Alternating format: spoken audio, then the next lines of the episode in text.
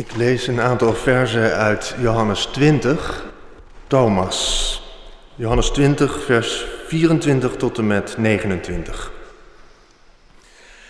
En Thomas, een der twaalfen, genaamd Didymus, was niet met hen, met de leerlingen, toen Jezus daar kwam. De andere discipelen dan zeiden tot hem, wij hebben de Heer gezien. Maar hij zei tot hen, Indien ik in zijn handen niet zie het teken van de nagels en mijn vinger niet steek in de plaats van de nagels en mijn hand niet steek in zijn zij, zal ik geen zins geloven. En na acht dagen waren zijn discipelen weer in het huis en Thomas met hen. Jezus kwam, terwijl de deuren gesloten waren, en hij stond in hun midden en zei, Vrede, zij u. Daarna zei hij tot Thomas, Breng uw vinger hier en zie mijn handen, en breng uw hand en steek die in mijn zij, en wees niet ongelovig, maar gelovig. Thomas antwoordde en zei tot hem, Mijn Heere en mijn God. Jezus zei tot hem, Omdat gij mij gezien hebt, hebt gij geloofd. Zalig zij die niet gezien hebben en toch geloven. Zusters en broeders in Christus. Thomas is een van de twaalf discipelen van Jezus. Het is de man van wie verteld wordt dat hij het niet geloofde dat Jezus is opgestaan. Hij moet het eerst zien. En ik denk dat deze Thomas voor ons heel herkenbaar is. Trouwens, niet voor niets staat er Thomas, een der twaalfen. Wat toch zoveel wil zeggen als, zoals deze ene, zo zijn zij toch allen. En zo zijn toch ook wij. Dus herkenbaar. Geloof spreekt immers niet vanzelf. Wie zegt dat het waar is? Nu wordt die vraag ook vaak bediscussieerd op de televisie of in de kranten of in allerhande beschouwingen.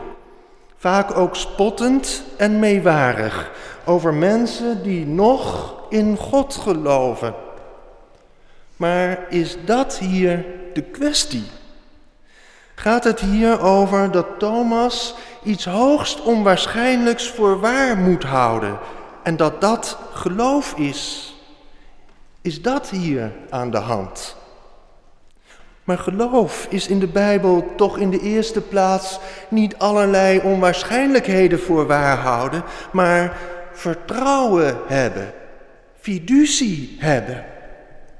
Is dat niet veel eer de vraag, ook bij Thomas? Niet zomaar van, dat kan niet, dat hij is opgestaan. Dat geloof ik niet. Maar een vraag van vertrouwen. Waar is mijn God?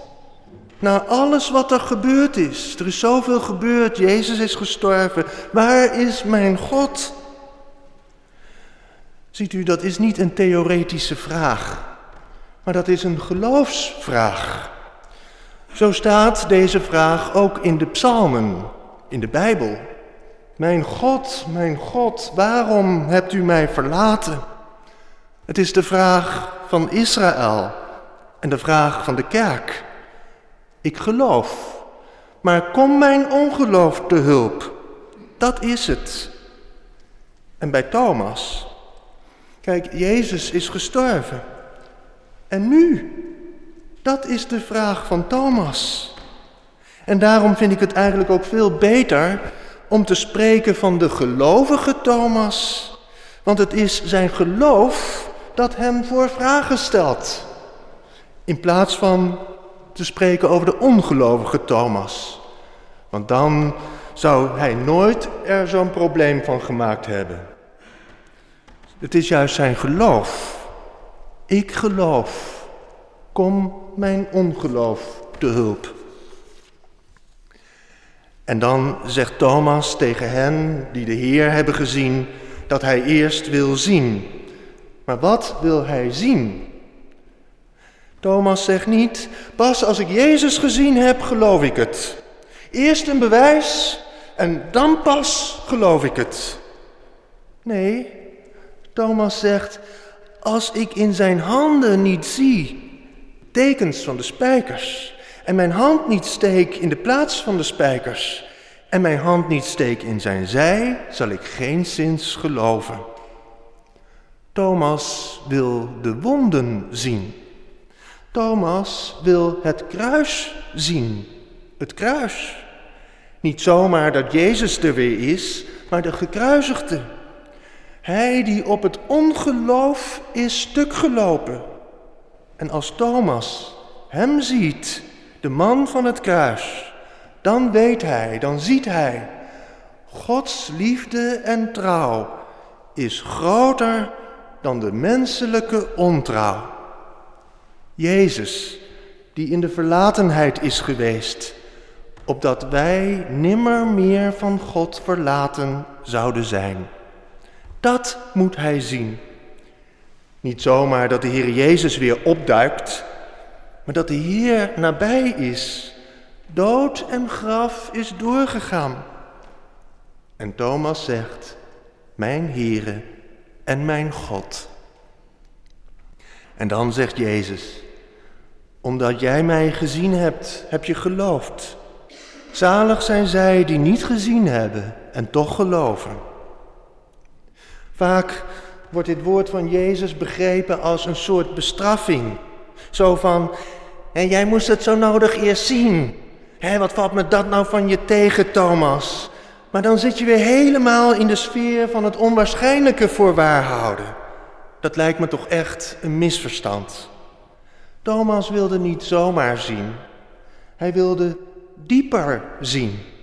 Hij wilde met het oog van het geloof zien dat hij die gestorven was, leeft, ook voor mij.